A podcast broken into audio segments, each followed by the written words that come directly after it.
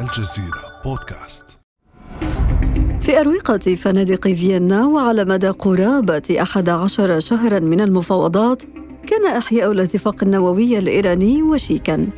في الواقع سبق أن أعلن قرب التوصل إلى هذا الاتفاق مرات عدة دون أن يتحقق ذلك.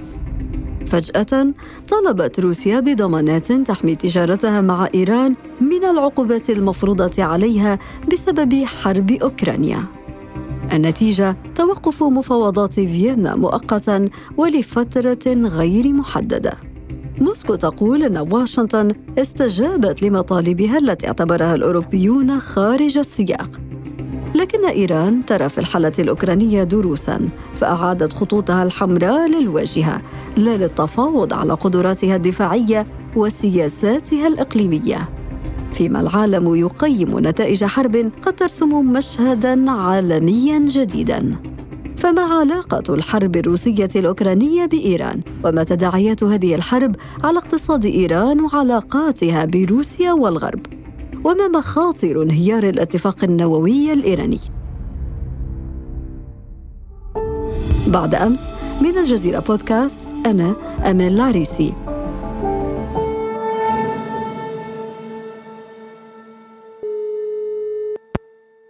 هذه الحلقة ينضم إلينا من إيران الدكتور حسن أحمديان أستاذ دراسات الشرق الأوسط بجامعة طهران. أهلا وسهلا بك دكتور أحمديان. أهلا وسهلا شكرا للاستضافة. دكتور أحمديان طال الجدل حول علاقة إيران بالحرب الروسية الأوكرانية. فما هي الملفات ذات العلاقة؟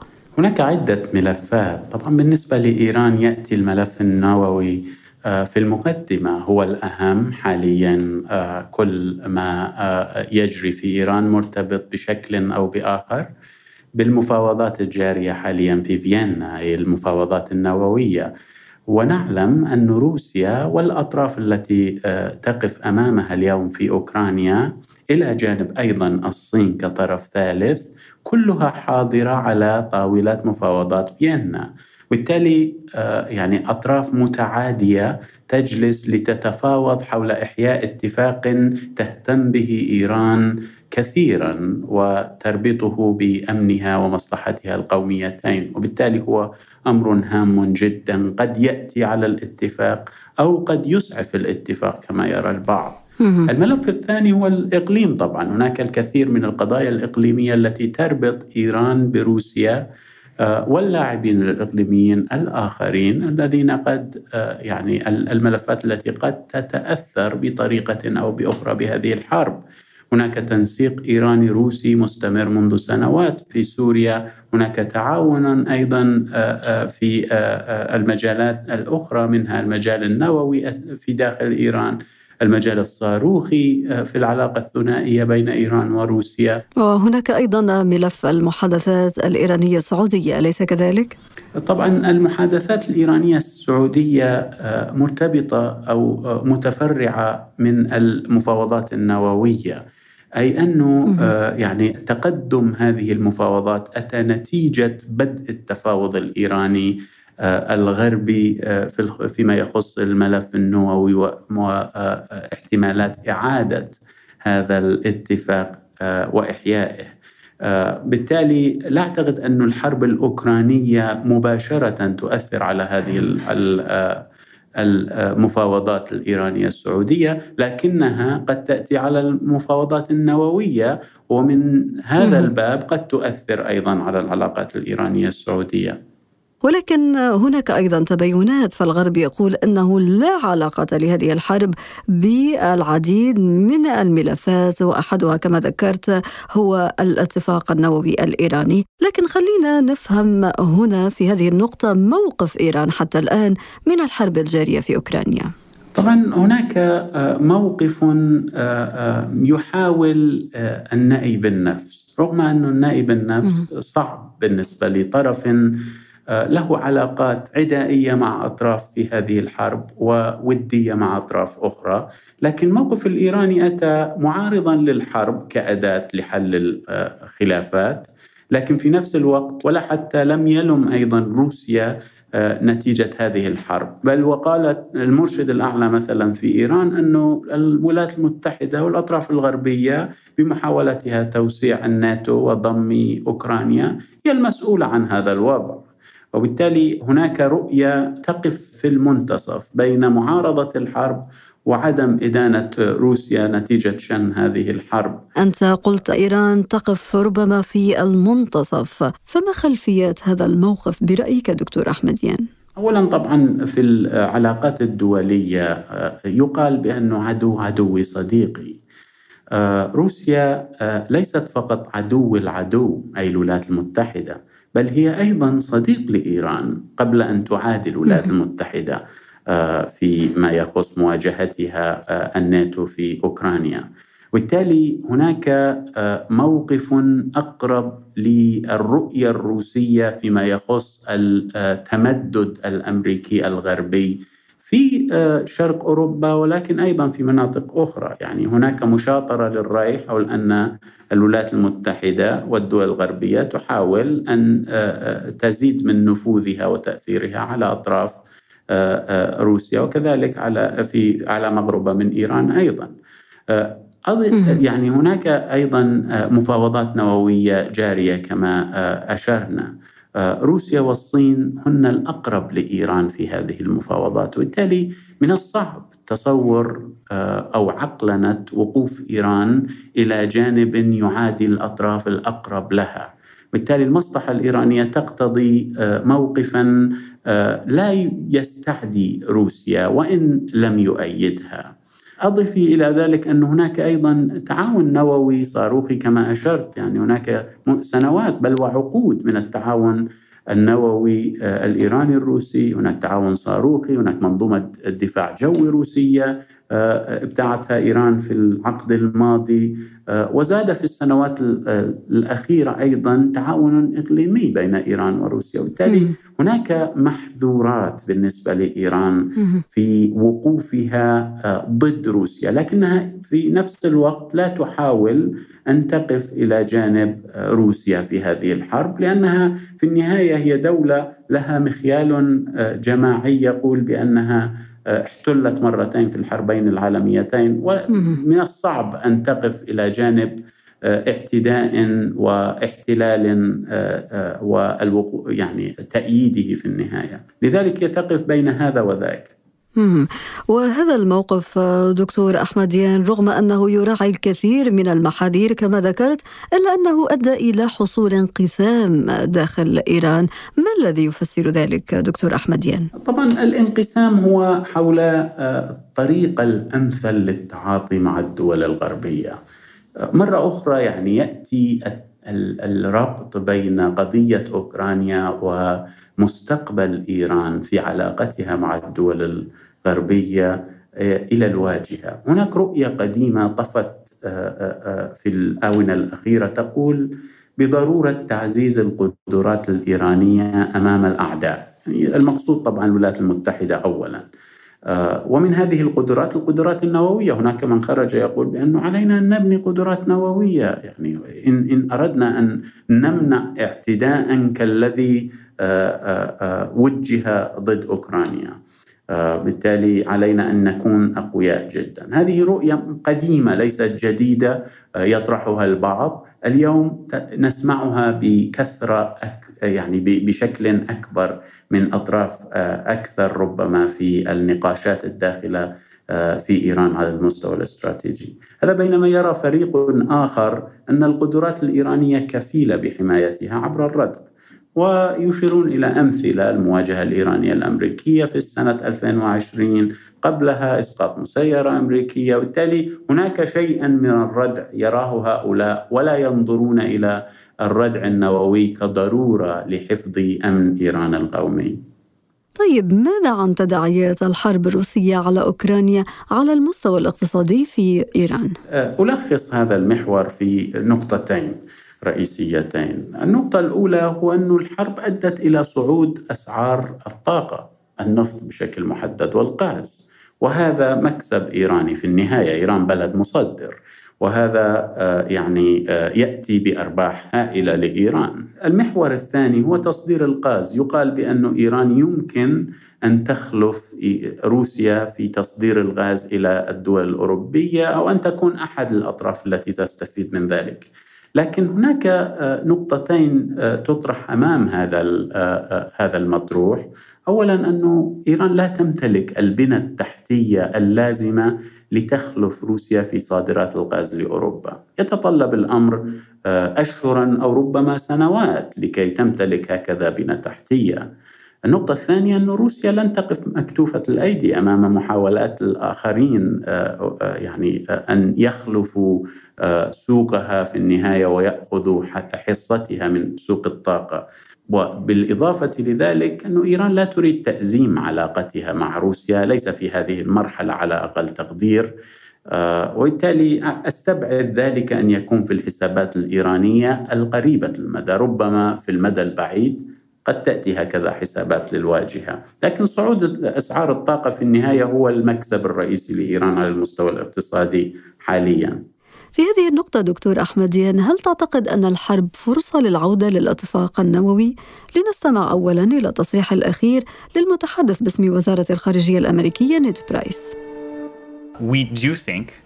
نعتقد أنه بالإمكان تسوية القضايا المتبقية وكما قلنا من قبل لقد أحرزنا تقدما كبيرا ونحن قريبون من اتفاق محتمل لكننا لم نبلغه بعد ويتزامن هذا التفاؤل لبرايس مع إفراج طهران عن المعتقلين الإيرانيين البريطانيين وإعلان إيران أن نقاط الخلاف المتبقية مع الولايات المتحدة في مباحثات أحياء الاتفاق النووي تقلصت إلى موضوعين فما رأيك دكتور أحمديان؟ طبعا نسمع الكثير من التصريحات المتفائلة وهذا جار منذ أشهر. لا نعلم إلى أي مدى بالفعل وصلنا إلى يعني نقترب إلى الحل لأن كل شيء يبقى خلف الأبواب المغلقة. لكن بشكل عام بينما يمكن تصور التسرع الغربي في إعادة إحياء الاتفاق النووي بهدف ضرب العلاقة الوطيدة بين إيران وروسيا في هذه المرحلة وذلك للضغط بشكل أكبر على روسيا، لكن أيضا أمام هذا التصور هناك تصور آخر انه روسيا تمتلك من الأدوات ما يمكنها من التأثير سلبا على إعادة إحياء الاتفاق النووي، معنى ذلك أن روسيا قد تتحرك. إن رأت أن الأطراف الغربية تهدف ضرب العلاقة الإيرانية الروسية ربما تتحرك ضد هكذا يعني عملية وهي أتت باشتراط مثلا أوضحت أنها لم تم لم تهدف إلى نسف العلاقة يعني المفاوضات النووية لكنها أتت باشتراط قالت بأن فرض عقوبات جديدة على روسيا يجب أن لا يأتي على إلغاء العقوبات نتيجة إحياء الاتفاق عن إيران أي أن تبقى العلاقات الإيرانية الروسية كما هي بل وتزداد يعني في المستقبل عندما تلقى العقوبات المفروضة على إيران، معنى ذلك أن هناك أدوات بمقدور روسيا بتقدير استخدامها للوقوف أمام إعادة إحياء الاتفاق إن هي أرادت فعل ذلك، حتى الآن لا توجد الكثير من المؤشرات التي تشير إلى أن روسيا تريد الوقوف أمام هذا الاتفاق. هذا التفاؤل أيضا دكتور احمديان يقابله إحباط في صفوف بعض الإيرانيين بسبب تعثر المفاوضات النوويه الإيراني، لنستمع إلى بعض الآراء. الأمل ضئيل للغاية في التوصل إلى اتفاق لأن الوضع معقد جدا. من ناحية غزو أوكرانيا ومن ناحية أخرى تتشابك مصالح القوى الكبرى. كل منها يسعى للحصول على فائدة من الآخر وإيران أيضا جزء من هذه العملية. في رأيي سواء تم إحياء الاتفاق أم لا لن تكون هناك فائدة للشعب. الاقتصاد الإيراني مفلس ولن يكون كما كان من قبل. البضائع لن تصبح رخيصة ولن تكون هناك فائدة للناس. نکن هذه المفاوضات مستمرة منذ عدة سنوات ولم يحدث شيء. الولايات المتحدة تبحث عن تنازلات وإيران ترفض لكن بشكل عام لا يمكن الوثوق بالولايات المتحدة. ما تعليقك دكتور أحمد زيان على هذه الآراء؟ طبعا هناك واضح أن هناك إحباط في إيران. يعني إيران وقعت اتفاق عام 2015 وكانت الأمور مع الآمال معقودة بشكل كبير على أن يحسن ذلك الاتفاق وضع إيران الاقتصادي. لم يصل الإيرانيون لذلك. نسفت الولايات المتحدة هذا الاتفاق. اليوم أيضا هناك من يقول انه إن عدنا في النهاية لن يحدث الكثير قبل أن تعود الولايات المتحدة لنكث ما وقعته والعودة ونقض الاتفاق مرة جديدة. وبالتالي هناك إحباط بالفعل، لكن الرواية الرسمية والرؤية الرسمية أنه يمكن من خلال أخذ بعض الضمانات تحسين وضع الاتفاق وتحسين تأثيره الاقتصادي على إيران. آه، ويرى البعض المسؤولين أنه هناك آه، يعني آه، تثبيت لاسعار العملة الإيرانية في ظل الوضع القائم.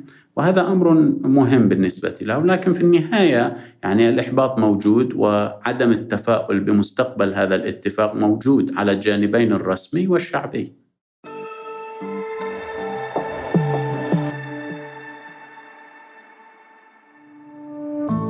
ابقى على تواصل مستمر مع الجزيرة بودكاست ولا تنسى تفعيل زر الاشتراك الموجود على تطبيقك لتصلك الحلقة يومياً.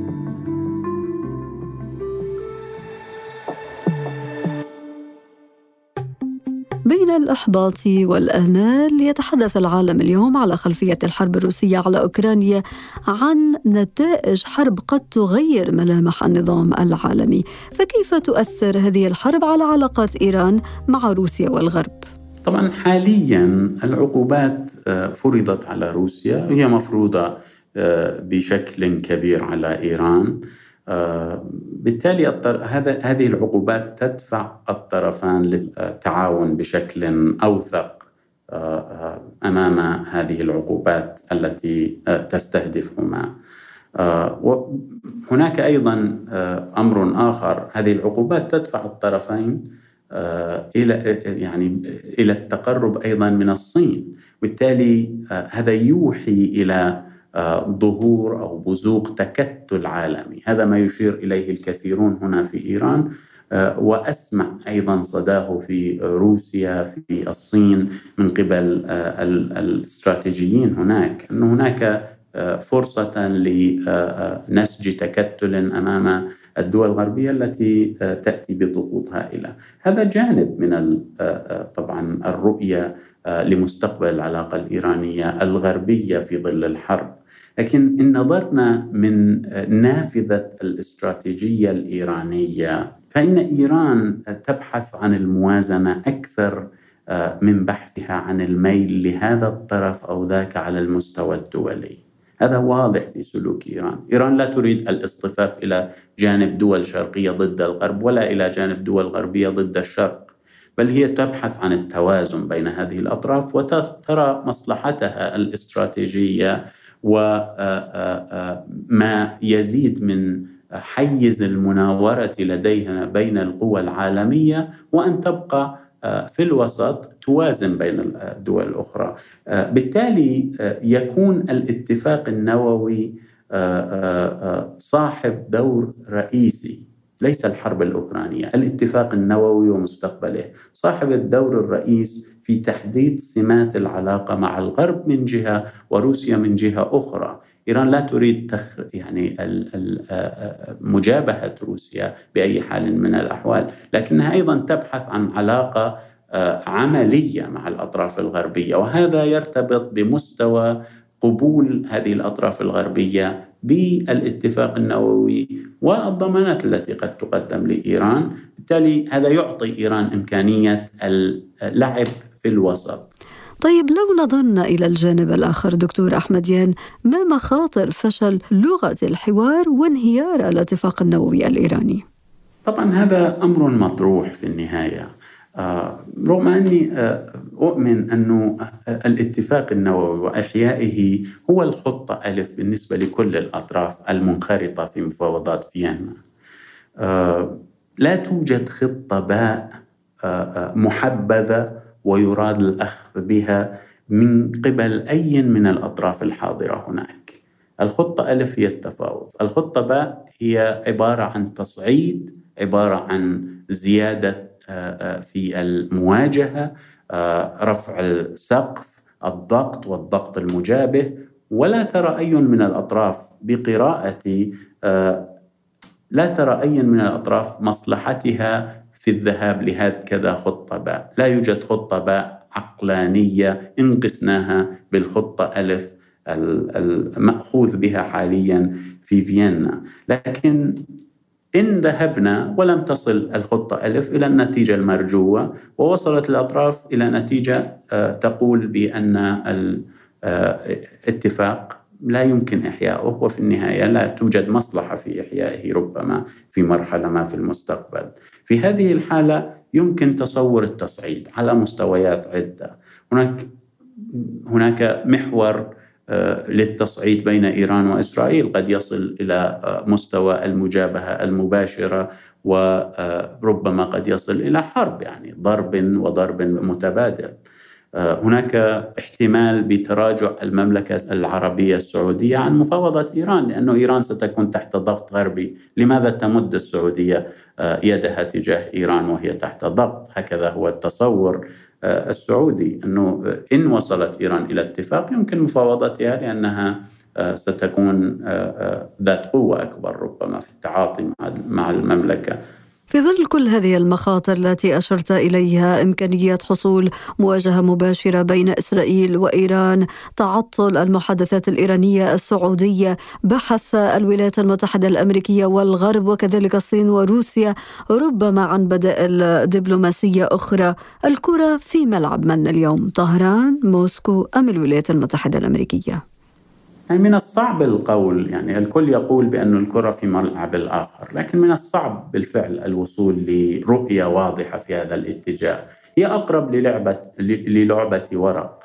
آه، آه، كل يمسك ببعض منها ويحاول أن يأتي آه، بالمناسب في الوقت المناسب ويضغط على الأطراف الأخرى. لإيران أولويات لروسيا أولويات. في أوكرانيا وفي الاتفاق النووي للولايات المتحدة أيضا أولويات في مواجهة روسيا والضغط عليها. قد تقترب يعني المحور الأكثر قربا آه، بين الأطراف هذه هو مفاوضات فيينا، لذلك هناك تفاؤل حول إحياء هذا الاتفاق، لكن في النهاية تبقى الأولويات رهن بدائل ورهن أيضا ملفات أخرى كالحرب الأوكرانية كما ناقشناه في هذه الحلقة. الدكتور حسن أحمديان أستاذ دراسات الشرق الأوسط بجامعة طهران شكرا جزيلا لك. شكرا بكل سرور. كان هذا بعد أمس.